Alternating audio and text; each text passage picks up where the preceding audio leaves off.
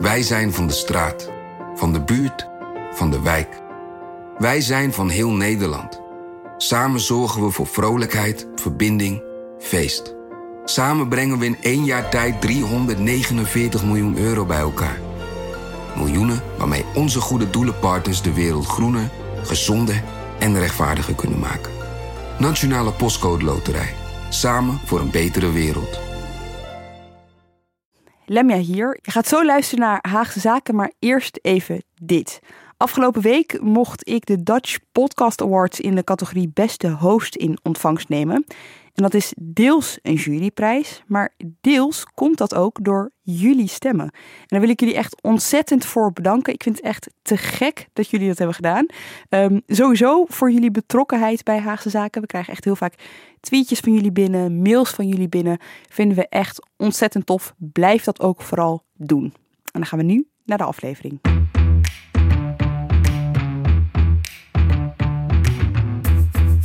Dit is Haagse Zaken van NRC. Mijn naam is Lemja Harouai. Klimaat, pensioen. Het zijn grote dossiers die besproken worden in de Tweede Kamer. Maar wie heeft uiteindelijk het laatste woord? Dat is de Eerste Kamer. In deze aflevering van Haagse Zaken praten we bij over die Eerste Kamer. Of de Senaat. Of de Chambre de Réflexion, zo je wil. Komende dinsdag worden 44 van de 75 zetels vervangen door nieuwe leden. En de samenstelling in de Senaat verandert ook. En dat is dus een goed moment om het te hebben over die taak en de rol van de Eerste Kamer. En dat doe ik met Tom-Jan Mees. En Tom-Jan, als iedereen hier dinsdag bij de patatbalie in de Tweede Kamer staat, bij dezelfde politici om dezelfde quotejes te halen, dan ben jij ergens anders. Ja, dat komt natuurlijk om te beginnen omdat ik daar niet bij hoef te zijn. Want die quotejes die kun je dan s'avonds op tv kijken. Dus waarom zou je daar naar gaan staan kijken? Maar ik ga dan heel graag altijd naar de Eerste Kamer even, ja. En dan uh, neem ik daar even de temperatuur op. Daar zitten eigenlijk allemaal politici die weinig worden gehoord, maar die toch in veel gevallen vrij goed doorhebben wat er allemaal speelt. Hebben ze daar een eigen patatbalie? Nee, ja, hier, dat is een soort uh, ontvangstruimte. Laat ik, hè, hoe noem je het, Rick? De hal. De hal. Ik ja. zelf graag. Ja. Um, nou ja, goed, daar. Of ja. daaromheen. Kijk, ze hebben ook uh, kamertjes. En, uh, enfin, ik, ik vermaak me altijd wel. Rick Rutte, jij bent er ook wel eens te vinden, want jij werkt hier een paar maanden en volgt de Eerste Kamer. Ja, ik merk ook net als, uh, net als Tom Jan dat er een soort totaal andere sfeer heerst in de Eerste Kamer. Ten eerste is die, die, die hal, dat is niet zo vluchtig als de patatbalie, maar dat is een statige oude ja, foyer. Je waant je een beetje in een, uh, een grand café uit een uh, vervlogen tijdperk. En die senatoren die nemen ook alle tijd voor je. En het is een totaal andere wereld. Mark Lievissen? Nou, als je ze daar aanspreekt, dan vinden ze dat altijd wel aardig. Dat er interesse is voor, uh, voor hun werkzaamheden. Maar ze zitten daar gewoon rustig de krant te lezen. Dus het is veel minder heigerig dan wat op hetzelfde moment hemelsbreed misschien 150, 200 meter verderop plaatsvindt. Ja, wat echt een veelzeggend voorbeeld is, vind ik zelf altijd, is uh, er is een leden koffiekamer naast de, de hal. Zoals de Tweede Kamer ook een ledenrestaurant heeft. En als je dan daar naartoe wil lopen, dan uh, word je als journalist soms nog even tegengehouden door iemand. En dan zeg je dat je gewoon een kopje koffie wil. En dan zeggen ze, oh ja, loop maar door. En, uh, maar wel meteen terugkomen als je een kopje koffie hebt gehaald hoor. En vervolgens sta je daar dan toch een kwartier te praten met die Eerste Kamerleden. En maakt het ze allemaal niet zo heel veel meer uit. Het is wat dus het is een plek, Ja, het is een plek van allemaal statige oude regels. Maar tegelijkertijd ook van mensen die die regels zelf ook niet altijd even serieus nemen. Laten we het eens hebben over de rol van de Eerste Kamer. Want op papier is die Kamer verantwoordelijk voor het toetsen van wetsvoorstellen op rechtmatigheid, op uitvoerbaarheid, op handhaafbaarheid. Dat zijn eigenlijk de drie toetscriteria. Um, maar om die rol goed te begrijpen, Mark, is het misschien goed om even te kijken naar de verschillen met de Tweede Kamer. Want die heeft een aantal rechten en taken, die kennen veel mensen ook wel. Laten we die even langs gaan om die vergelijking te trekken met de Senaat. Laten we beginnen met uh, de Tweede Kamer. Die heeft het recht om moties in te dienen. Is dat in de Eerste Kamer ook zo? Zeker. Oké, okay, nou check. Budgetrecht? Ja. Oké, okay, Tom-Jan, vertel. Nou, de eerste, alle begrotingen van de ministeries uh, moeten, door de, moeten door de Eerste Kamer. Dus alle uitgaven die de overheid doet, die staan uiteindelijk, alle begrotingen zijn namelijk wetten. En die moeten door de Eerste, die moeten door de eerste Kamer. Ja, en ja. die kan ze alleen goedkeuren of verwerpen, hè? Ja het recht op amendement? Nee. Dus dat is het, het recht om een wijzigingsvoorstel in te dienen. Dat kan alleen de Tweede Kamer. Maar de Eerste Kamer kan uh, in de praktijk wel degelijk iets veranderen aan wetten. En dat gaat dan via een zogenaamde reparatiewet. Dus de Eerste Kamer constateert dat er fundamentele bezwaren zitten in een wet, of zij zien problemen met een wet, dreigen ook een wet te verwerpen. Dan kan de minister met een reparatiewet komen die eigenlijk de bezwaren van de Senaat meteen corrigeert in het oorspronkelijke wetsvoorstel. Die moet dan alsnog ook door de Tweede Kamer, maar dat gaat eigenlijk altijd goed dit is gebeurd bij de mediawet, bij de politiewet. Twee hele grote stelselwijzigingen. Waar de Eerste Kamer heel veel bezwaren in zag. Ook heel veel uitvoeringsproblemen. En ja, die misschien dreigden uh, verworpen te worden in de Eerste Kamer. Maar waar uh, de bewindspersonen toen met een reparatiewet kwamen. En de Eerste Kamer dus indirect eigenlijk alsnog een wet wel heeft kunnen wijzigen. Waarom wordt het dan niet gewoon uh, weggestemd? Want ik bedoel, als er heel veel bezwaren tegen zijn, zou je ook kunnen zeggen: ja, ga maar terug naar de tekentafel. Um, eh, goed punt.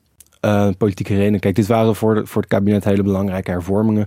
Dus dan is het toch moeilijk om eventueel tegen te stemmen of te, uh, na te denken over dat je dwars zou kunnen gaan liggen. Ja, zo dwars zijn senatoren niet.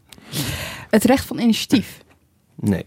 De, de Tweede Kamer kan natuurlijk zelf initiatiefwetten uh, mm indienen. Dat, dat gebeurt niet heel veel, maar het gebeurt wel. De Tweede Kamer is medewetgever, maar de meeste wetten komen vanuit, uh, komen vanuit het kabinet. De Eerste Kamer kan dat niet, want die kan alleen uh, wetten ja, beoordelen die vanuit het kabinet of Tweede Kamer zijn ingediend. Anders zou je het ook een beetje omdraaien. Wanneer de Eerste Kamer zelf wetten zou kunnen indienen, dan ja, wie moet die wetten vervolgens voor de tweede lezing beoordelen? Ja, dan, is het, uh, dan gaan ze hun eigen wetten eigenlijk. Uh, ja, dat zou heel ja. raar zijn. Uh, vraagrecht, dit vind ik wel interessant. Want hier heb je in de Tweede Kamer op dinsdag een vragenuurtje bijvoorbeeld. Hè. Dat bestaat niet in de Eerste Kamer. Nee, ze, er is geen vragenuurtje, maar ze hebben wel het recht om schriftelijke vragen te stellen. En die moeten dan ook schriftelijk beantwoord worden. En dan een spoedpad? Nee. Bestaat gewoon niet, hè? Want zij plannen op een heel andere manier. Het is elke dinsdag. Uh, dat, dat is één dag in de week.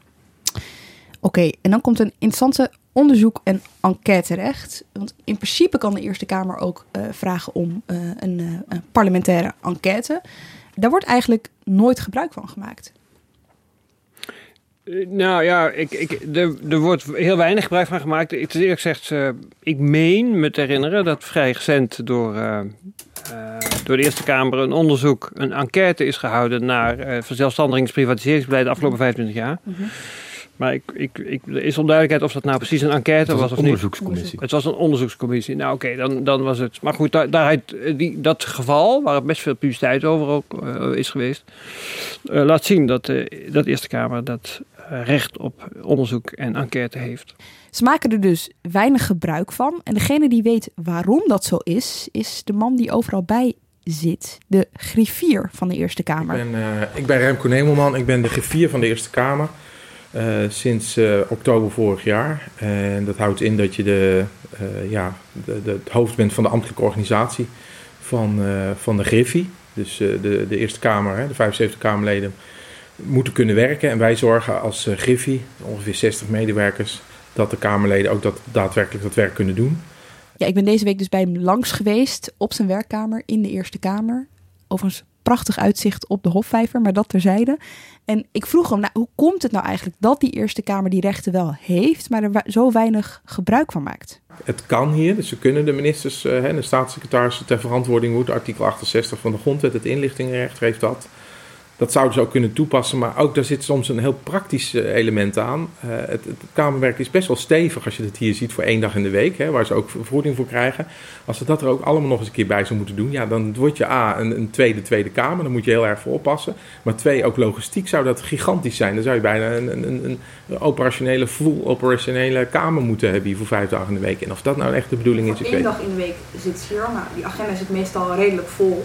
Ja. Um, je zou met een beetje boerenverstand zeggen, nou, dan maken we daar twee dagen van. Ja, alles kan. Ik bedoel, uh, als je het wil. Maar ja, dat, dan, dan krijg je echt een spanning tussen uh, Tweede en Eerste Kamer. Uh, in de tijd dat ze dat nu doen. Nu, het is ook een keuze welke, welke wetsvoorstellen je wel pakt en welke niet. En welke je als hamerstuk door laat gaan. Dat je denkt van joh, dit zijn de kleine issues. Je moet echt dus scherp kijken van als fractie en ook als gehele Kamer van dit vinden we een belangrijk onderwerp. Maar het is een kwestie van keuzes maken als je minder tijd hebt. En daardoor ja, zet je ook in de scherpte wat je wel en niet belangrijk vindt. Eén dag per week komen ze dus bij elkaar en uh, ze moeten scherpe keuzes maken, uh, horen we hier. Hun taak is duidelijk, hè? Ze toetsen dus aan verschillende zaken. Maar als je dan kijkt van 1945, dus na oorlogs tot nu, zijn er maar 72 wetsvoorstellen echt verworpen door de Eerste Kamer. Dat klinkt weinig, maar is dat ook zo? Dat heeft heel erg te maken met de, de wetgevingspraktijk in Nederland. Dus onze hele Rijksoverheid is erg ingericht op efficiency. Dat is echt zo. Dus ja, vooral ambtenaren, hoge ambtenaren, topambtenaren, hebben sterk de neiging om ministers te adviseren een wet in te trekken zodra vaststaat uh, dat, die, dat die wet het niet gaat halen in de, een van de kamers. En dan wordt die ingetrokken. Je zag het vorige week nog met uh, het voorstel van uh, minister van Engelshoven met de studieleningen. En die wet is uiteindelijk niet afgestemd door de Eerste Kamer. Zou zeker gebeurd zijn, maar dan trekt ze hem snel in. Dus, dus dat getal zegt niet automatisch heel veel. Dit is eigenlijk echt wat wel uiteindelijk belandt op de bureaus van die senatoren. Maar er wordt, zeg jij, eigenlijk al vooraf veel. Het heeft ook heel erg te maken met initiatiefwet worden veel. Hè, dus wetten die door Tweede Kamerleden zijn gemaakt, niet door het kabinet, die worden veel vaker afgewezen. Er is een aantal jaar geleden onderzoek gedaan naar alle stemming in de Eerste Kamer tussen 1998 en 2015. 0,5% van de wetten die naar de Eerste Kamer gingen zijn afgewezen. In diezelfde periode zijn 54 initiatiefwetten bij de Eerste Kamer gekomen en daar zijn, daarvan zijn er vijf afgewezen. Dat is ongeveer 9%. Dus initiatiefwetten die komen veel minder snel überhaupt door de Eerste Kamer. Dus het zijn de wetten die. Uh, er zijn inderdaad wetten die ingetrokken worden, omdat het dreigt uh, afgestemd te worden. Maar de meeste wetten komen er gewoon doorheen. En het is ook goed om te bedenken dat voordat de, de Senaat erover gaat stemmen, dat die Eerste Kamerleden er ook al over hebben gedebatteerd. Ze hebben vragen gesteld. Dus er zijn al een paar. Het gaat al een paar keer heen en weer voordat het tot een stemming komt. En daardoor is het ook heel moeilijk om nou af te lezen of dat iets zegt over de macht van de Eerste mhm. Kamer. Dat je bijvoorbeeld die 72 voorstellen hebt. Hè? Want dat betekent eigenlijk de vraag is dan van hoe meet je die macht? Is dat is een machtige Eerste Kamer een Eerste Kamer die heel veel wetten wegstemt? Of is dat een Eerste Kamer die zo machtig en sterk is dat een minister een slechte wet niet eens durft voor te leggen aan die Eerste Kamer. Hè? Is, een, uh, is een krachtig leger een leger dat het, oorlog aan het uitvechten is, of een leger waar het niemand het tegen durft op te nemen? Vraag stellen is en beantwoorden. Weet je wel. Oké. Hey Rick, uh, die studielening, uh, dat is, die is ingetrokken, maar er zijn meer wetten die het de afgelopen maand niet hebben gehaald. Ja, dat klopt. Er zijn alleen al in de, de laatste maand van de Eerste Kamer, dus dat was de allerlaatste maand van deze oude Eerste mhm. Kamer, zijn er vijf wetten van het kabinet gesneuveld.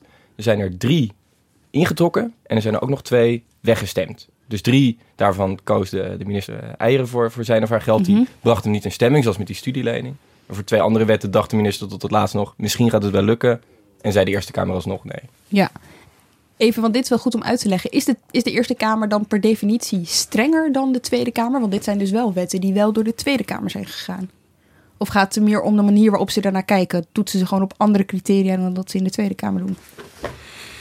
Nou, er is volgens mij ook een, sterk, sterke oploop aan afgewezen wetten tegen de, het eind van de zittingstermijn van de Eerste Kamer. En met andere woorden, de moed van die mensen neemt het algemeen toe naarmate hun vaak beter vaststaat of ze al dan niet naar de, in de nieuwe zittingstermijn terugkeren.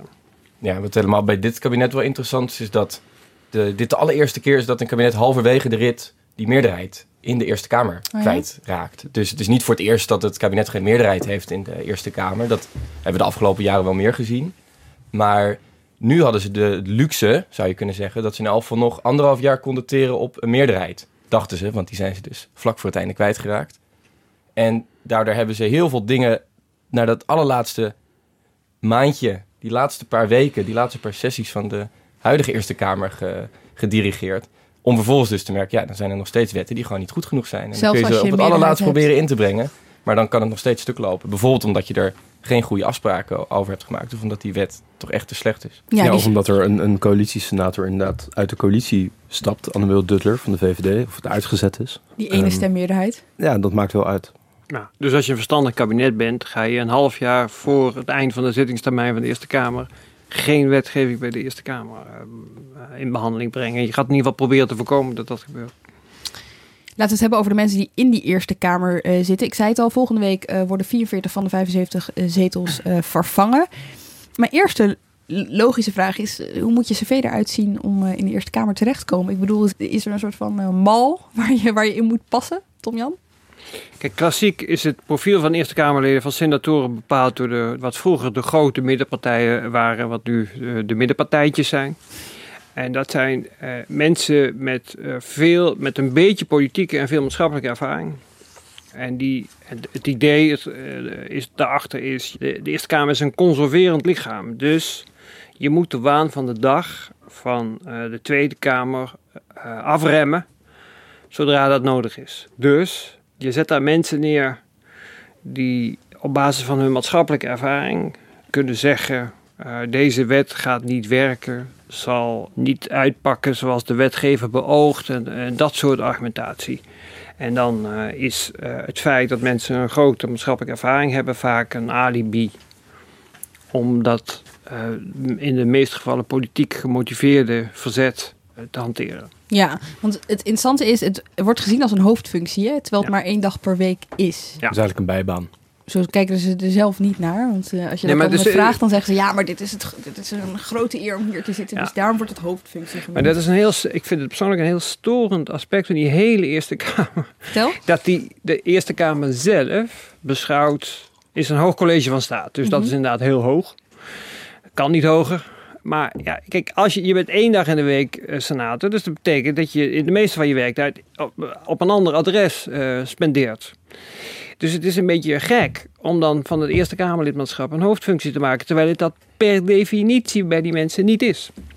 En dit is natuurlijk ook altijd de kritiek hè, op de Eerste Kamer. Dat we het vaak hebben over belangenverstrengeling en de, de, invloed van lobby's en zo. Maar dat is natuurlijk de essentie van de Eerste Kamer. We willen mensen met vakkennis. Hè, hoe dichter ze bij een vakgebied staan, hoe beter ze dat kennen en hoe beter ze daardoor die wetten kunnen beoordelen, zeggen we. En tegelijkertijd zeggen we, het is ook weer niet de bedoeling dat je beïnvloedt door die mensen die in dat vakgebied opereren, waar je dus de rest van de week de hele tijd mee doorbrengt. Ja. Nou, of, of dat, ik, ik weet niet of dat per se de kern van de kritiek is, of dat het ook niet is dat mensen belangen toch ook behartigen van de sector waar ze in zitten. Hè? Je, er zit nog wel een onderscheid tussen bepaalde kennis hebben, omdat je arts bent, academicus, jurist, bouwvakker, bij wijze van spreken.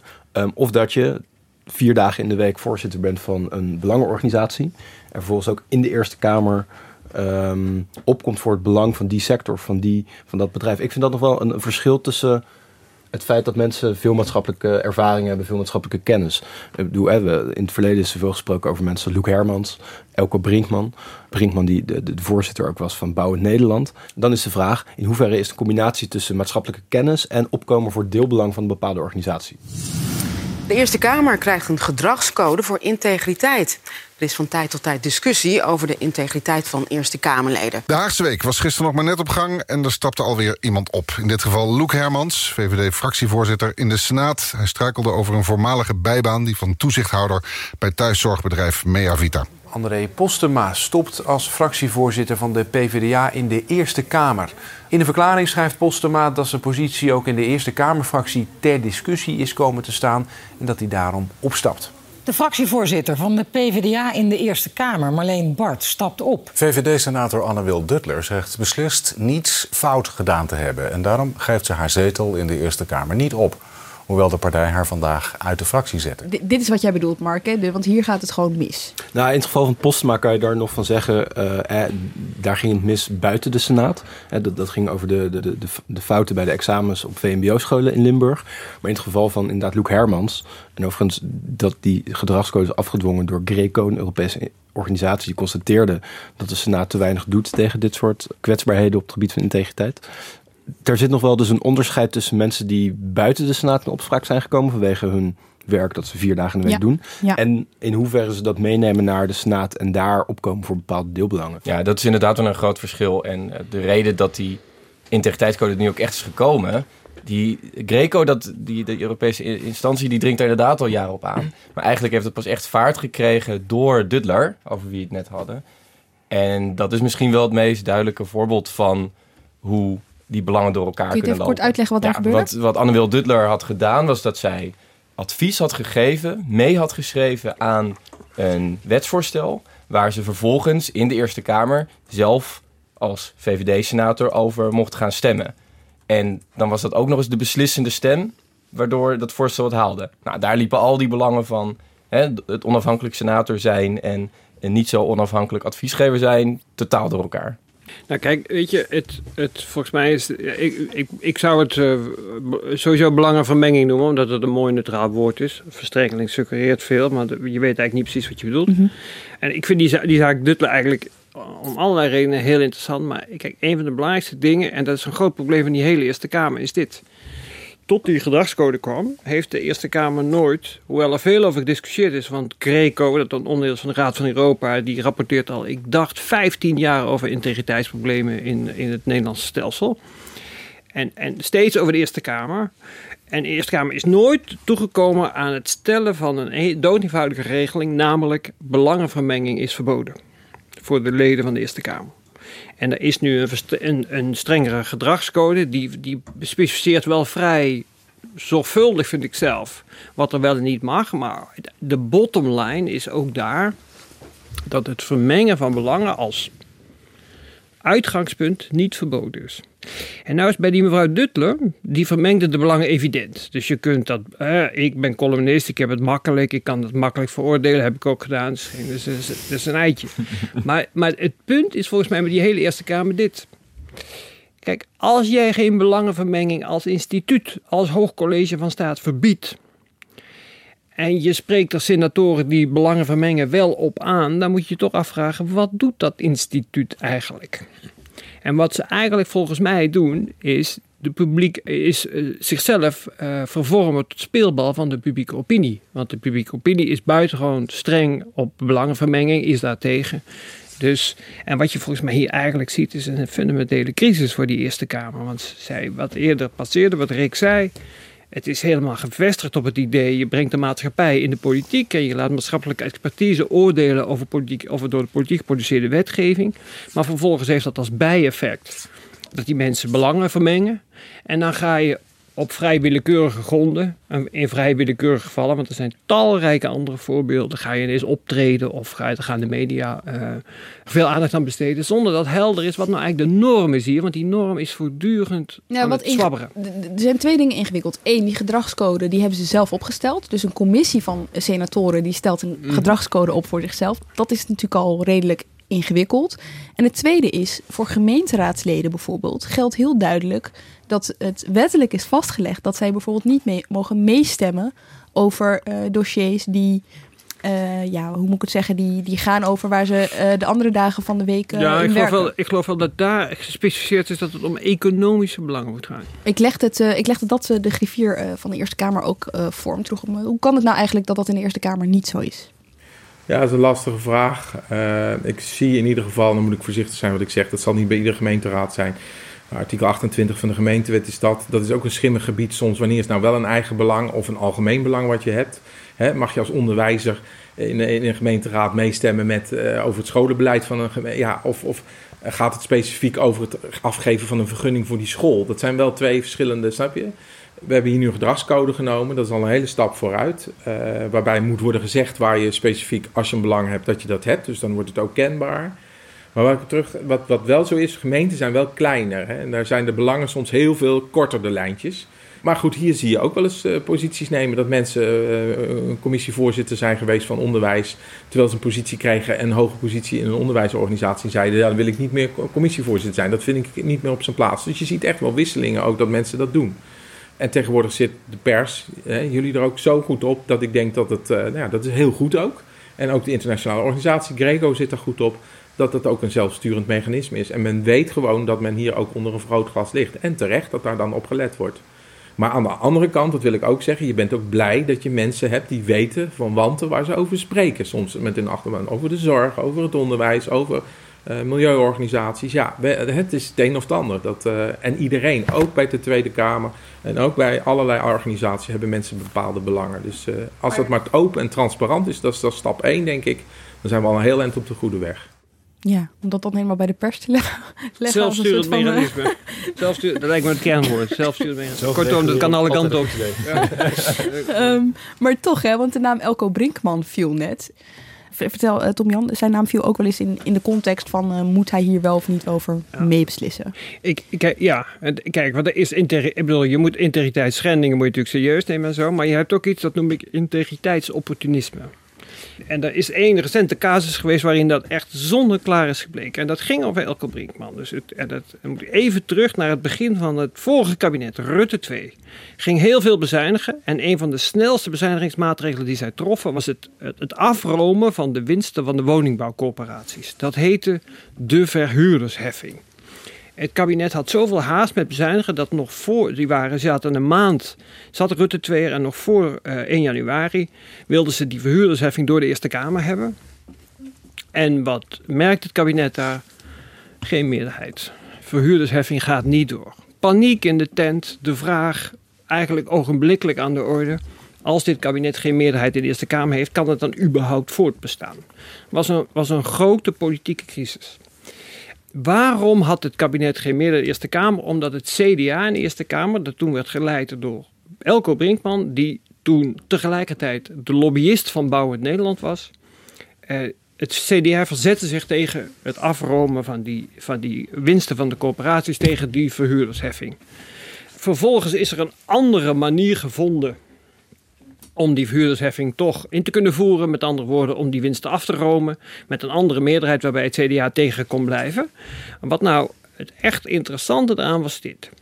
Toen dat speelde, kreeg je in de publiciteit, en er, er werden journalisten actief over benaderd, vooral vanuit de PvdA, die toen coalitiepartner was, maar ook vanuit de VVD, werd er uitvoerig werden wij ingelicht over de belangenverstrengeling in de Eerste Kamer, de bijbaantjes, de onaanvaardbaarheid van het hele verschijnsel. Daar moesten wij toch. En als jij gewoon de databanken van de media uit die tijd, begin 2013, raadpleegt, dan zul je zien een enorme uitbreiding van berichten over belangenverstrengeling Eerste Kamer. En dat ging heel vaak over Elko Brinkman. Nou was het argument van Elko Brinkman, die was inderdaad eh, lobbyist van Bouwend Nederland, die was ja, maar kijk, die verhuurdersheffing, als die ingevoerd wordt, gaan wij over enkele jaren echt grote problemen op de woningmarkt hebben, want dan wordt er gewoon veel minder gebouwd. En het effect zal zijn dat wij in, in, een, positie van, in een situatie van woningnood komen in Nederland. Niemand geloofde dat. Elko Brinkman was lobbyist van de bouwers, dus die kon daar geen gelijk hebben. Het interessante was vervolgens dit. Een halfjaartje later trad een nieuwe PvdA-senator aan. Die man die was eerder wethouder bouwen in Den Haag geweest. En daarna was hij wethouder in de grootste bouwput van Nederland geweest, Almere. Die heette Adrie Duivenstein. Een linkse PvdA. En die zei, ik kom hier en mijn belangrijkste missie is die verhuurdersheffing, die moet van tafel. Want wij dreigen in een woningnood terechtgekomen. Nou, op dat moment begon niemand over, ja, ja, ja, eh, heb jij belangenverstrengeling of zo? Helemaal niet. En eigenlijk is vervolgens de discussie over de, de, de, het woningbouwprogramma in Nederland is helemaal gekanteld.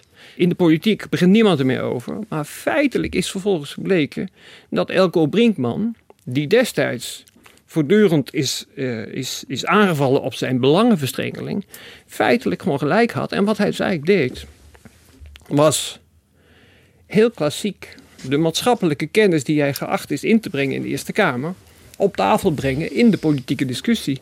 Maar dat werd niet gewaardeerd. Ja, en hij bleek gelijk te hebben, want eh, de huidige minister van Binnenlandse Zaken, Ollongren, die is eh, bezig met zoveel mogelijk huizen eh, bouwen, of in ieder geval plan daarvoor maken. Ja. Wat ik hier interessant aan vind, is het verschil tussen Brinkman en Duivenstein is dat Brinkman, en dat is denk ik de kern hiervan, er een financieel belang bij had. En bij Duivenstein, die is wethouder geweest en die komt en die vertelt vanuit expertise, maar heeft er verder, verdient er geen cent aan. Kijk, eigenlijk wat, wat hier eigenlijk gebeurde, en ik kan me dat wel voorstellen, zeker als journalist. Het argwaan tegen zijn maatschappelijke functie won het van zijn argumenten. En dat is natuurlijk ook zijn probleem. Hij zou natuurlijk zelf, eh, hij, had, hij had natuurlijk zelf veel geloofwaardiger eh, moeten maken. Dat hij dan niet stond als eh, lobbyist van Bouwend Nederland, maar als iemand die op basis van zijn kennis bezorgd was over hoe dat zou gaan in de woningmarkt, op de woningmarkt. Maar zou jij dat geloven? Als, als hij dat zou ik- zeggen? Ik ben, heel- ik ben een eh, hele ouderwets journalist. Ik vertrouw niemand. Dus, dus ik heb toen ook wel gedacht van ja, dit, wat is dit nou? Dus ik snapte die argwaan wel. Maar ik, ik heb, ben daarna, ik heb er een keer, ik moest er een keer een lang stuk over schrijven voor eh, het jaarboek parlementaire geschiedenis. Toen heb ik die hele kwestie teruggekeken. Zodoende weet ik al die shit ook nog. En, en zo, toen is me gewoon opgevallen, al zijn argumenten klopten. Toen Duivenstein kwam later in de Eerste Kamer, die nam al zijn argumenten over. En al zijn voorspellingen zijn uitgekomen. Ja. En kijk, het is bij die Eerste Kamer volgens mij stel- steeds zo. Als jij de, de, de deeltijdpolitici accepteert. Als je dat nou per se wil. Ik, zou, ik denk vaak, waarom willen we dat? Maar goed, als je het wil. Dan moet je accepteren dat je, dat je mensen met dit soort maatschappelijke posities in je rangen hebt. Laten we even terug de tijd ingaan naar 1848. Eh, toen zorgde de grondwetswijziging ervoor dat de Eerste Kamer gekozen werd. Eerste Kamer bleef en werd verdedigd onder het mom dat de taak niet in het stichten van het goede, maar in het voorkomen van het kwade zat. Eigenlijk moet je, moet je nog verder terug. hè? Oh, oké, Naar mag. 1813, Ja? de, eh, de, de Nederlandse grondwet van dat jaar. Nederland bestond destijds uit de noordelijke Nederlanden en de zuidelijke Nederlanden. Mhm. En omdat de adel van de zuidelijke Nederlanden ook een plaats moest krijgen in de Nederlandse Staten-Generaal, is toen de Eerste Kamer opgericht. Zodat de Belgische adel, eh, 17 jaar later verloren wij de zuidelijke Nederlanden eh, voor een groot deel eh, en werd België opgericht, gesticht. En dan had je eigenlijk kunnen zeggen, nou, dit is een moment om van de Eerste Kamer eh, af te gaan. Want ja, we hebben geen Belgische adel meer in de Nederlandse Staten-Generaal. Dus hebben we het instituut dat we hebben opgericht om hen een plek te geven Mhm. ook niet meer nodig. Is Mhm. niet gebeurd. 1848 is het, was inderdaad een, had een moment kunnen zijn om de Eerste Kamer af te schaffen. Is ook niet gebeurd. Eh, 1983, grondwetswijziging over de Eerste Kamer, niet afgeschaft. Hoe komt dat? Zijn we toch eigenlijk best blij gewoon In, met die ah, in Eerste 1983 zijn ze overigens wel heel dichtbij geweest hoor. Oh, Ja, en, en toen is er een soort krankzinnig compromis bedacht. Op basis waarvan heel, wat heel veel verklaart over de problemen die nu vaak met de Eerste Kamer staan. De, de- het kabinet Den Uyl. Om de grondwetwijzigingen heb je, heb je twee lezingen nodig. Dus dan heb je twee kabinetsperiodes nodig. In de eerste lezing werd de Eerste Kamer eh, opgeheven. Dus daar was een tweederde meerderheid voor. In de tweede lezing is dat gesneuveld en is een compromis gesloten. Dat is bedacht door een toenmalig CDA-kamerlid, Willem de Kwaadste niet, heette die. Ik verzin dit niet.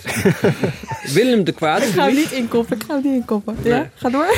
En die, eh, die heeft gezegd, nou weet je, eh, we, we, gaan het, we gaan de Eerste Kamer niet opheffen, maar ik, ik ben bereid om in ruil daarvoor, links wilde de Eerste Kamer opheffen. Alle linkse partijen dus, inclusief D66.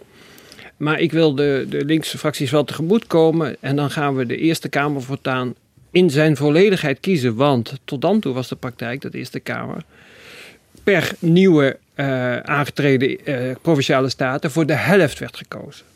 En omdat de Eerste Kamer sindsdien in zijn volledigheid nieuw wordt gekozen door provinciale staten, is het een veel politieker lichaam geworden. Omdat, omdat, het, eh, omdat ze actualiteitswaarde in zijn samenstelling kan claimen. En dat doet de Eerste Kamer sindsdien ook. Ja, en dat vind ik interessant, Rick. Ehm, het wordt, je zou, als je puur kijkt naar de taakstelling, zou je zeggen: het is best wel apolitiek. Want ze kijken gewoon naar, hè, naar de wet. En eh, eh, ze toetsen het daaraan. Maar het is wel gewoon een politiek orgaan. Ja, maar dat is natuurlijk ook een heel eh, abstract idee eigenlijk dat het dat niet zou kunnen zijn. Hè? Als eh, de Eerste Kamer zou oordelen over eh, het werk van een architect, om het zo te zeggen. Ja, dan kun je natuurlijk kijken naar of de, de fundering goed Wat ligt. Thierry Baudet vermoedelijk heel graag zou willen. Maar dat geldt terzijde. Ik denk, ik, ik denk dat die de oude architectuur daar wel erg kan waarderen. Meer dan de, het nieuwe gebouw van de, van de Tweede Kamer in elk geval.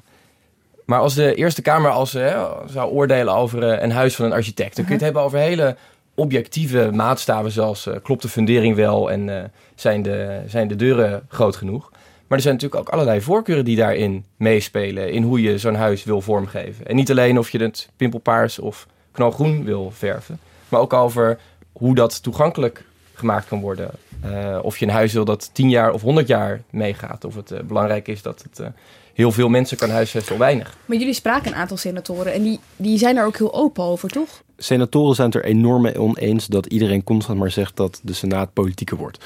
Wij spraken Adrie Duivenstein, oud PvdA-senator, en die zei: er is niks niet politiek aan de Eerste Kamer.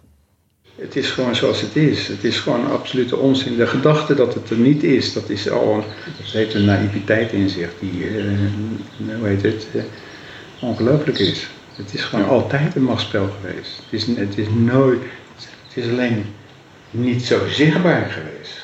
En dat, is denk ik ook zo als je terugkijkt naar eh, eerdere momenten. Eh, in de jaren tachtig had je in de Senaat een CDA genaamd Calland. Die was de voorman van het CDA in de Eerste Kamer. Die was heel politiek, heel groot voorstander van dualisme. Eigenlijk een beetje wat Bolkestein vervolgens deed in de Tweede Kamer voor de VVD. Eh, iemand die heel kritisch was op de eigen regering.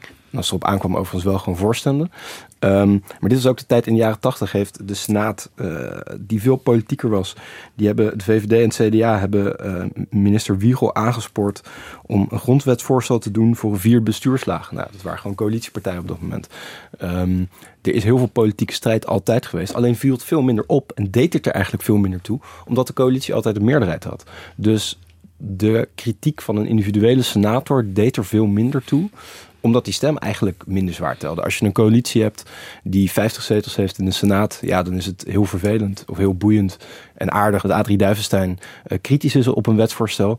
Maar de coalitie kan zonder zo'n tegenstem. En dat is natuurlijk veranderd. Hè. Sinds 2010, Rutte 1 uh, die had geen meerderheid uh, in de Senaat. Uh, Rutte 2, PvdA, VVD had het ook niet. Rutte 3 is hem nu halverwege verloren. En daardoor, de, de verschillen tussen meerderheid en minderheid zijn, zijn, zijn kleiner geworden. Je bedoelt dus eigenlijk dat versnippering uh, dus ook een, een kleinere coalitiemeerderheden. Ja, een dus nivellering eigenlijk van, ja, van aantallen van politieke van, van zetelaantallen van politieke partijen. Dat dat gevolg um, heeft voor hoe senatoren hun rol wel of niet vrij in kunnen vullen. Uh, ook, maar ook naar hoe wij naar de Senaat kijken. Um, daardoor zijn wij, en dan bedoel ik media, maar ook analisten, et cetera, um, misschien de Senaat ook als politieker gaan zien zoals dat altijd geweest is. Kijk, en aan het idee dat, uh, en in die kritiek zit vaak een soort assumptie dat er een periode geweest is van ambachtelijkheid in de Senaat. Dat er nog heel degelijk en zuiver en goed gekeken werd naar de kwaliteit van wetten. En dat is eigenlijk een hele technocratische opvatting van politiek. Want het veronderstelt dat er één juiste, zuivere uh, juridische wijze is om een wet te analyseren. Maar door politisering en doordat politieke tegenstellingen een grotere rol gaan spelen in de Senaat. En misschien ook deelbelangen en belangen hoe noem jij het, vermixing, uh, vermengeling, um, dat, het, dat er geen zuivere analyse van wetten meer wordt gemaakt. En dat Is een beetje... Ik zag jou een beetje twijfelend kijken. Nou, okay, het is voor een deel klopt het wel, maar ik, ik denk echt dat die, die aanpassing van de wijze waarop de Eerste Kamer wordt gekozen, hè, sinds de herziening van de grondwetsherziening van 83, dat dat echt een fundamentele verandering heeft uh, teweeggebracht. En dat dat echt niet alleen te maken heeft met de, de omvang van de meerderheden, maar ook met het feit dat als jij als senator bent gekozen, dan ben je gekozen op basis van de verhoudingen op dat moment in de provinciale staten. Dus je kunt gewoon als gekozen senator ook beter claimen dat je een, een politiek mandaat hebt. En dat was voor die tijd minder. Nou ja, eh, kijk, tot dat, dat, moment werd de Senaat, en dus overigens een praktijk die in de meeste landen bestaat. Hè. In, de meeste, in Amerika wordt bijvoorbeeld de Senaat, die uit 100 leden bestaat, om de twee jaar voor een derde ververst. En tot 1983 werd de Nederlandse Senaat, de Eerste Kamer, voor de helft ververst elke keer. En dat betekent dus dat, dat als de Senaat een, een voorstel van uh, het kabinet wilde afwijzen, dat meespeelde de vraag: hebben wij het mandaat om dat te doen? Nou, en je ziet dat de, de spanning tussen aan de ene kant de Eerste Kamer over politieke vraagstukken, uh, niet over zaken van wetgevingskwaliteit of houdbaarheid van wetgeving, maar over politieke vraagstukken sinds 1983 wel degelijk toeneemt. Daar danken wij de wet van noten aan. En ik denk dat die heel erg klopt. De wet van noten die luidde, uh, naarmate een vraagstuk politiek uh, spannender is, is de kans dat de Senaat puur politiek opereert groter. Wat goed is om te realiseren in deze hele discussie over hoe politiek politiek is, is dat eigenlijk ruim driekwart van alle wetten in Nederland wordt aangenomen uh, door zowel de Eerste als Tweede Kamer zonder dat er ook maar één tegenstem is. En dat heeft ermee te maken dat heel veel wetten in Nederland gewoon heel technisch zijn. Dan gaat het om Europese richtlijnen die je eigenlijk niet kunt verwerpen. Um, tal van technische wetten die in het algemeen heel weinig belang hebben, maar die specifiek iets oplossen. Of iets erger maken in sommige gevallen. Um, maar dat is die politieke strijd is het is, we richten ons eigenlijk op die 23 tot 25 procent van de wetten waar het echt om gaat. Het relativeert wel. Het relativeert enorm. De, de strijd om wetten gaat eigenlijk maar over een heel klein gedeelte. En dan nog is er heel veel eensgezindheid. Um, ik heb vorig jaar met een collega Pim van der Doel gekeken naar stemmingen in de Tweede Kamer. En dan zie je dat ook oppositiepartijen, ik geloof in het, het, het, het negatiefste geval, nog 75% van alle plannen die vanuit het kabinet komen steunen. Dus heel veel is heel gedepolitiseerd. Ja, en dan is het dus interessant om te bedenken dat het niet alleen voor de Eerste, maar ook voor de Tweede Kamer geldt. En het zijn eigenlijk twee dingen die naast elkaar bestaan. Hè? Dus als we het hebben over dat de Senaat politiek is, in de zin dat die ideologisch is, dat heeft altijd een rol gespeeld. Want hoe je naar de wereld kijkt, be dat beïnvloedt hoe jij vervolgens wetten zult beoordelen. Dus dat is eigenlijk altijd al zo geweest. Wat natuurlijk wel zo is, is dat door die hervorming van de manier waarop de Eerste Kamer wordt samengesteld, en doordat er meer schijnwerpers op staan gericht, ietsje meer, dat uh, senatoren wel anders politiek zijn gaan bedrijven. En dat partijen daar ook zo over denken. Dus bijvoorbeeld, we krijgen nu uh, echte Tweede Kamer-veteranen in de Eerste Kamer straks, zoals uh, Paul Rozemuller, voor GroenLinks, Meili Vos voor de PvdA. Nou, toen Roosmuller werd voorgesteld, die was jarenlang de fractievoorzitter in de Tweede Kamer. Werd nu door Jesse Klaver aan de achterban voorgesteld als een van de beste debaters op het Binnenhof. Nou, als dat is hoe je iemand aan hè, voorstelt die in de Eerste Kamer wetten moet gaan beoordelen, dan zegt het ook wel iets over dat partijen wel zijn gaan nadenken over welke poppetjes ze daar neerzetten. Ja. Maar het, het, het is een weinig spannend antwoord, maar toeval speelt ook een rol. Dat de zittingstermijnen en eigenlijk de verkiezingen voor de Tweede Kamer en de Eerste Kamer door elkaar heen zijn gaan lopen. Dus we zitten nu twee jaar in de Rutte 3 en er is een senaatsverkiezing uh, geweest. Wanneer je, je zou kunnen zeggen, uh, trek dat samen. Dus kies op, hetzelfde, op dezelfde dag de Provinciale Staten en daarmee de Eerste Kamer en de Tweede Kamer. Waardoor je zittingstermijnen krijgt die gelijk lopen. En dan ga, krijg je waarschijnlijk ook coalitie. En dan moet je eigenlijk dus bij de coalitievorming al meteen ook gaan zoeken naar een meerderheid in de Eerste Kamer. En nu is het zo dat we hebben in 2017 Tweede Kamerverkiezingen gehad. Ja. En eh, die hadden we omdat, nou in dit geval uh, Rutte 2 was klaar. De verkiezingen van 2012 kregen we omdat Rutte 1 tussentijds viel. Ja, precies. Zou je dan, Um, ja. Dus Waarom is het niet zo? je zou ook kunnen zeggen dat uh, als de coalitie valt, ook de Senaat zou moeten vallen. En maar- de- maar- ik, bedoel, ik bedoel, dan, dan, ik zeg niet dat het ideaal is, maar dan trek je wel, dan trek je het gelijk. En krijg je die politisering door eh, minderheden.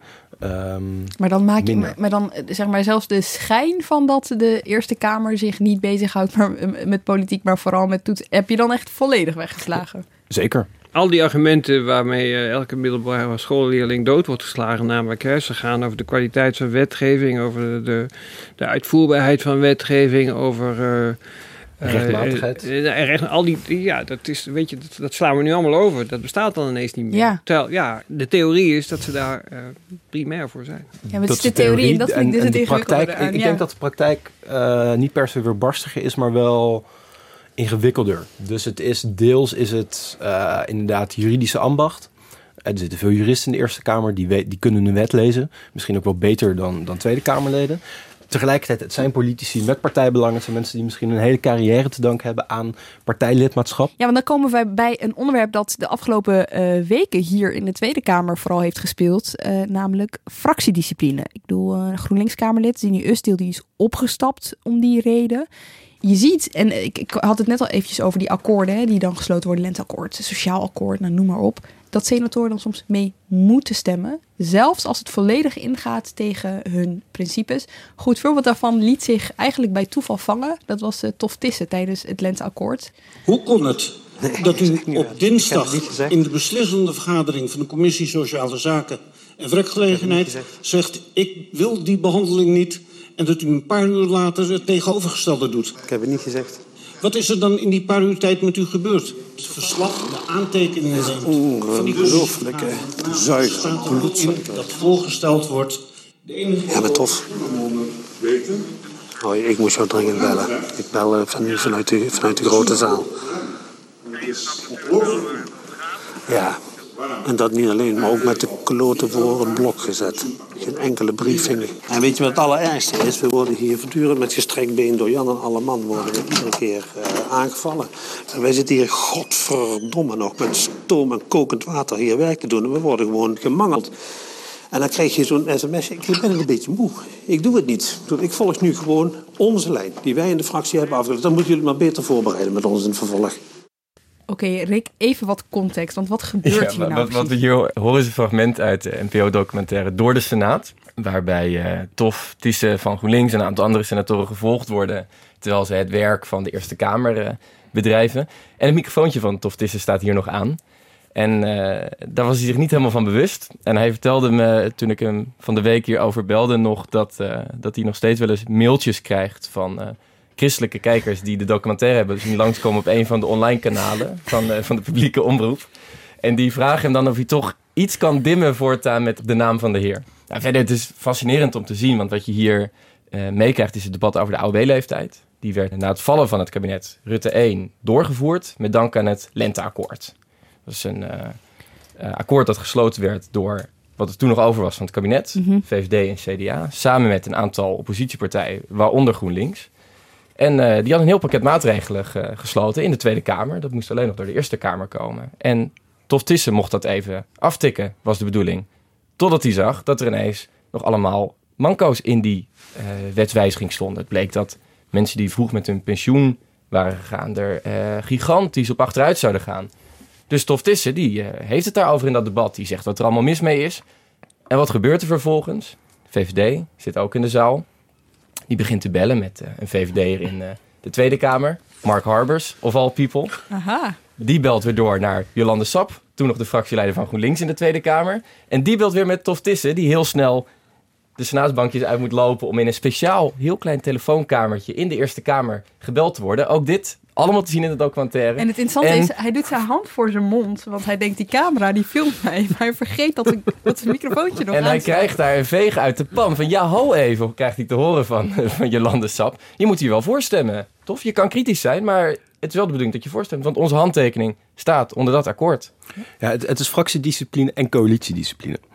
Um, er zijn heel veel voorbeelden waarin individuele senatoren, die misschien deels inderdaad vanuit de maatschappelijke ervaring of maatschappelijke kennis twijfels hebben bij een wet, zoals Adrie Duivenstein, zoals Hans Franke, een CDA'er, eh, die heel veel wist over informatierecht en tegen een wet van Heers Berlin was over het opslaan van internetgegevens, um, zich uiteindelijk laten disciplineren door de fractie. Wat me uh, ook uh, opviel, uh, is dat kabinetsleden ook direct invloed uitproberen te oefenen bij de Kamervoorzitter van de Senaat. Dat klopt. Dat hoorde Mark en ik ook van, uh, van Ankie Broekers-Knol. Die vertelde hoe zij als voorzitter wel eens ministers langs kregen. Die hadden dan een wet die ze heel snel wilden invoeren. Dat was bijvoorbeeld begin december. En dan wilden ze die graag nog even voor, voor kerst er doorheen hebben. Of ze, wilden, ze kwamen eigenlijk al aan met de verwachting dat het wel goed zou komen. En um, toen wij vroegen hoe dat dan werkte, zei, zei Broekers-Knol... Ja, heb je wel eens kinderen moeten opvoeden? Want zo gaat het ongeveer. Maar het is ook coalitiediscipline. Um, er zijn heel veel voorbeelden ook waarbij coalitiepartijen twijfels hebben bij een wet, maar uiteindelijk toch voorstemmen. Want ja, goed, het is nou eenmaal een voor de coalitie belangrijke wet. Um, en zeker politiek belangrijke wetten, die zijn minder makkelijk of moeilijker om te verwerpen dan uh, technischere wetgeving. Ik heb eind vorig jaar met collega Dirk Stokmans Ankie Broekers-Knol geïnterviewd. En die zei iets in de trant van ja, kijk, uiteindelijk moet je je afvragen, gaat de tent vallen? Ja, dat realiseer je dan, dus dan stem je politiek of dan stem je in lijn met de coalitie. Dat ging over een wet, de wet OM-strafbeschikking, waar het OM zelf tegen was. Waar de Raad van State heel kritisch over was. Die zag grondwettelijke bezwaren. Ankie Broekers-Knol zag in de Senaat precies wat er mis zou gaan met die wet. En zei vervolgens, wat overigens onverlet laat, dat ik voor deze wet zal stemmen. In 1981, een PvdA, die zaten toen in, van 8-2, die zeggen wij vinden het een slecht wetsvoorstel. Het is vrijblijvend, oppervlakkig en slordig. We hebben dus alle reden om tegen dit ontwerp te stemmen. Desondanks zal de grootst mogelijke meerderheid van de PvdA-fractie voorstemmen. Dus dat is ze zien precies wat er mis, mis, is met een wet. Waarom die niet rechtmatig is misschien. Waarom die niet uitvoerbaar is. Waarom er problemen zijn met de haalbaarheid. Maar je zit in een coalitie. En het is voor een coalitie een belangrijke wet. Dus je stemt voor. Kijk, de sleutel hier is betrouwbaarheid. En dat geldt dus zelfs voor een oppositiepartij als GroenLinks. Die niet in uh, regering zit. Wel dat akkoord heeft gesloten. En wel denkt, ja, als wij nu ineens hier ons van afkeren. Dan staat straks ineens onze betrouwbaarheid als, uh, als een regeringspartner staat ineens op de tocht. Wie weet wat men van ons denkt als we straks willen formeren voor een nieuw kabinet. Ja, en het is goed om te realiseren. Uh, fracties in de Senaat zijn formeel niet gebonden aan het regeerakkoord. Of in het geval van GroenLinks, de Senaatsfractie van GroenLinks was formeel niet gebonden aan het lenteakkoord. Ja. Tof Tissen had niet mee onderhandeld, waar Jolande Sap, de, de Tweede Kamerleider van GroenLinks, dat wel had. Maar dat zegt uiteindelijk natuurlijk helemaal niks. Uiteindelijk zegt het heel weinig. Nee. Ik zat te denken, wat zijn nou de, wat zijn nou de keren geweest dat mensen echt uit principe tegen iets hebben gestemd, soms zelfs tegen hun eigen fractie in. En dan moesten we, ja, moesten we best wel ver de geschiedenis in. Dan kom je bij de nachten uit. Het zijn altijd nachten. Het ja. zijn nooit middagen. Nee, maar serieus. ja, dan kom je uit bijvoorbeeld bij de nacht van, uh, van Wiegel, die echt om principiële redenen ergens tegenstemde. Uh, laten we even luisteren. Let ook vooral op de verbazing van degene die dit live zien gebeuren, uh, waaronder Pim Fortuyn. Ze heten inmiddels de Bende van Vijf. Vijf VVD'ers die het lot van Paars 2 kunnen bepalen. Ze zijn tegen het referendum. Maar blijft dat zo? Eentje hoeft maar nee tegen een volksraadpleging te zeggen... en dan stapt D66 uit het kabinet. Heine Makreel, Hendricks, Van Heukelum, Hilarides, Werner, Wiegel, Wultgens, Van de Zandschulp, de uitslag is dat 49 leden zich voor het voorstel hebben uitgesproken en 26 daartegen. zodat niet de vereiste tweederde meerderheid is behaald en het voorstel is verworpen. Zo zie je maar dat dus één persoon, één principiële tegenstem... toch een hele coalitie in, in moeilijkheden uh, kan, uh, kan brengen. Iets voor de huidige coalitie om ook uh, rekening mee te houden, Reek. Want zij zijn hun meerderheid ook kwijt in de Eerste Kamer. Ja, dat betekent heel concreet dat het gewoon moeilijker wordt voor de coalitie... om de eigen voorstellen goedgekeurd te krijgen. Want ze kunnen nu niet meer afspraken in, in akkoorden vastleggen. We weten, eigenlijk hoort de Eerste Kamer zich daar niet van aan te trekken. Maar ja. dat doen ze natuurlijk ja, toch. Nu wordt het uh, een stuk moeilijker om uh, kabinetsplannen er doorheen te loodsen. En dat betekent ook dat de oppositiepartijen een stuk belangrijker worden. En dat zijn dan vooral de oppositiepartijen die in hun eentje de vier regeringspartijen toch aan de meerderheid kunnen helpen. PvdA, GroenLinks, een Forum. Ja, dus in het geval van de PvdA zou het gaan om een meerderheid van één zetel. Waarmee dus de, de druk op een individuele senator, waar ik het net over gehad hebben, om in te stemmen enorm toeneemt. Hè? Dat elke senator, zowel van coalitie als PvdA, is in dat geval beslissend. Meerderheid kwijt, maar kunnen ze het gewoon, maakt het wat uit? Maakt het eigenlijk wat uit dat zo'n meerderheid in de ik, ik, ik, denk, ik hou wel rekening met de mogelijkheid dat het niet zoveel blij, zal blijken uit te maken. Omdat wat Rick net zei, die drie mogelijkheden die er zijn om een meerderheid te vormen voor de coalitie, betekent wel dat het kabinet echt heel veel onderhandelingsruimte heeft. Dus als iets spannend is, de meeste dingen zijn niet spannend. Maar als iets spannend is, laten we zeggen het belastingplan aan het eind van het jaar, dan, kan, dan heeft het kabinet wel heel veel mogelijkheden om te wheelen en te dealen. En uh, ja, we hebben nu eenmaal een premier die daar is gebleken vrij goed in te zijn. Maar zelfs in het geval van het belastingplan, als dat verworpen zou worden door de Eerste Kamer, dan zou dat nog niet eens zo heel dramatisch zijn. Want het kabinet heeft alle grote belastinghervormingen al in het eerste belastingplan verwerkt. Ja, het is wel een praktisch ongelooflijk onhandig is ding. onhandig. Maar, maar je hebt bijvoorbeeld, neem zoiets als de CO2-heffing. Die komt er waarschijnlijk in het najaar ergens, een soort aparte wet waarschijnlijk. Dan kan GroenLinks zeggen, het gaat ons niet ver genoeg, het, puur theoretisch, want we weten niet hoe het eruit gaat zien. Maar dan, kan je, dan is voor het kabinet waarschijnlijk altijd nog een mogelijkheid om met de PvdA. Dus ja, er zijn echt veel mogelijkheden. Ja, veel meer dan, dan aanvankelijk leek. Maar het is, wel is ook goed. Het is, het is wel een strategische puzzel, toch? Want het is niet zo dat de PvdA maar instemt. Dus je moet eigenlijk voor iedere partij moet je steeds wissel, je moet steeds wisselgeld kunnen bieden. Maar het helpt hier heel erg om naar de afgelopen jaren te kijken. En dan vooral van Rutte 1 en Rutte 2. En dan zie je dat ook daar steeds akkoorden werden gesloten met oppositiepartijen. Mhm. Adrie Duivenstein, die Mark en ik spraken, die vertelde over eh, alles wat hij over zich heen kreeg vanuit de eigen partij. Diederik Samson, toen de partijleider, die zat echt tegenover hem met eh, stoom uit de oren. Dat, eh, dat was geen dialoog meer, zei Duivenstein zelf. En dat was gewoon een dictaat dat hij kreeg opgelegd. Er zaten ook oppositiepartijen daar aan tafel. Die hadden zich ook gecommitteerd aan dat akkoord. Maar die hebben nooit tegengesputterd. Dat kon Duivenstein zich nog wel goed herinneren. Sterker nog, die drongen juist een beetje aan bij de PvdA om het nu wel te laten slagen. Want die hadden zich net vastgesnoerd in dat akkoord. En die wilden nu niet dat de PvdA er vandoor ging met het protest tegen zo'n eh, impopulaire maatregel. Maar wacht even, dit zijn allemaal oud-senatoren die jullie hebben ges- gesproken, hè? die zich daarover uitspreken. Ehm Tom-Jan, ik ben wel benieuwd, hè? Zittende senatoren die ook nog meegaan naar de volgende periode. Ik bedoel, klagen ze er achter de schermen wel over? Vinden ze het erg dat ze Dat- af en toe gewoon moeten doen wat de Tweede Kamerfractie wil? Eh, ja, ja. Ja, en je hebt ook wel ik, sommige mensen. Maar goed, kijk, wat, wat mij wel overkomt is dat ze. Het speelt bijvoorbeeld bij de Klimaatwet. Ik wist vrij veel senatoren uit CDA en VVD dat ze er tegen waren. Vrij recent is er over gestemd. En eerlijk gezegd heb ik ook met stomme verbazing kennis genomen van de kennisuitslag, van de stemmingsuitslag. Want toen bleek dat de volledige CDA en de volledige VVD-fractie voor die wet hadden gestemd.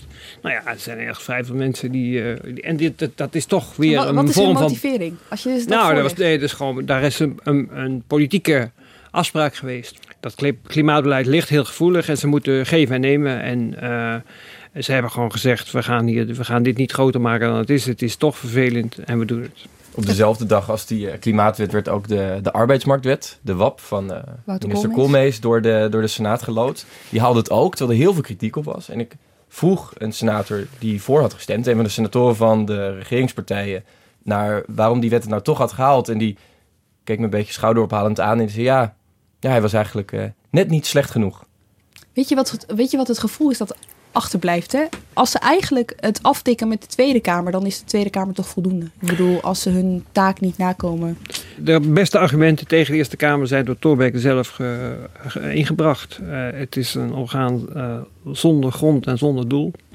En in de kern van de zaak is dat het geval, denk ik. En als je zegt, je moet een orgaan hebben dat de kwaliteit van wetgeving toetst en voorkomt dat wij met wetgeving op basis van de waan van de dag als maatschappij worden geconfronteerd, daar heb je allerlei andere mogelijkheden voor. Die zijn allemaal honderdduizend keer voorgesteld ook.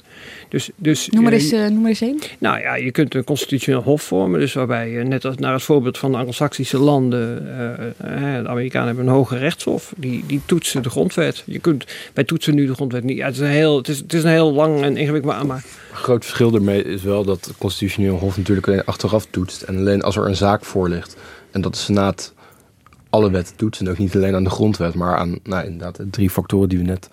Uh, ja, maar je hebt al dus varianten. Je kunt de Raad van State specifieke Precies. bevoegdheden om wetgeving te toetsen ja. geven. Allemaal dat soort. Dus de, en ik, uh, ik, ik denk echt dat uh, er zijn een aantal voorbeelden geweest, die zijn nu ook weer gepasseerd. Waaruit blijkt dat de Eerste Kamer niet doet uh, wat de aanname is dat ze doet. En eerlijk gezegd zo politiek opereert dat je je afvraagt waarom het kopiëren van de Tweede Kamer nou zo nodig is. Speelt het? Speelt de discussie nu? Onder Rutte 2 is het even hoog opgelopen. Omdat, kijk, de Eerste Kamer, de Eerste Kamer wordt traditioneel door de conservatieven, door de rechtse partijen verdedigd. En de Halbe Zijlstra, de VVD, die heeft een keer een interview gegeven onder Rutte 2 en, en het voortbestaan van de Eerste Kamer in twijfel getrokken. Uh, dat gaf heel veel reuring. En dat heeft uiteindelijk toe geleid dat de Eerste Kamer een motie is aangenomen die het parlementaire stelsel zou onderzoeken. En dat ging eigenlijk heel klassiek verder, want toen zei de Eerste Kamer: dat vinden wij een goed idee om het parlementaire stelsel uh, te onderzoeken op voorwaarde dat het voortbestaan van de Eerste Kamer niet ter discussie wordt gesteld. Nee, de staatscommissie uh, die heeft gekeken naar, naar Remkes inderdaad. Die uh, heeft ook niet geadviseerd om de Eerste Kamer af te schaffen. Maar de reden natuurlijk Rick. dat heel veel van dit soort kritiek vaak langskomt, dat is dat we dan vervolgens merken dat ministers en Kamerleden en de eigen partijleiding die Senaat niet serieus neemt. Dus dan kunnen we ons afvragen, is het probleem dan de Senaat dat we de Eerste Kamer moeten afschaffen? Of is het misschien juist dus tijd voor al die mensen die buiten de Eerste Kamer lopen en ze graag afgeven op de Eerste Kamer, dat ze die Eerste Kamer juist eens wat serieuzer ja. zouden moeten nemen? We spraken Ankie Broekers-Knol, net voordat we wisten dat ze de nieuwe staatssecretaris uh, zou worden, hier nog over. En die zei, ja, potverdorie, het is een taak van uh, de wetgevers, van de wetmakers, om gewoon te zorgen dat er goede wetten klaar liggen. En dan kunnen wij er nog even naar kijken en zeggen of het inderdaad klopt. Dank jullie wel. Tom Jan Meijers, Rick Rutte en Mark Liefse Adriaanse. Dank ook voor het luisteren. In de show notes vind je nog een leestip bij deze aflevering, namelijk het stuk van uh, Rick en Mark. En een link naar twee andere afleveringen van Haagse Zaken die uh, mooi aansluiten bij, uh, bij deze. Deze aflevering werd geproduceerd door Iris Verhulsdonk en Henk Krijgrok van de Werven. Volgende week zijn we er weer met een nieuwe aflevering. Tot dan.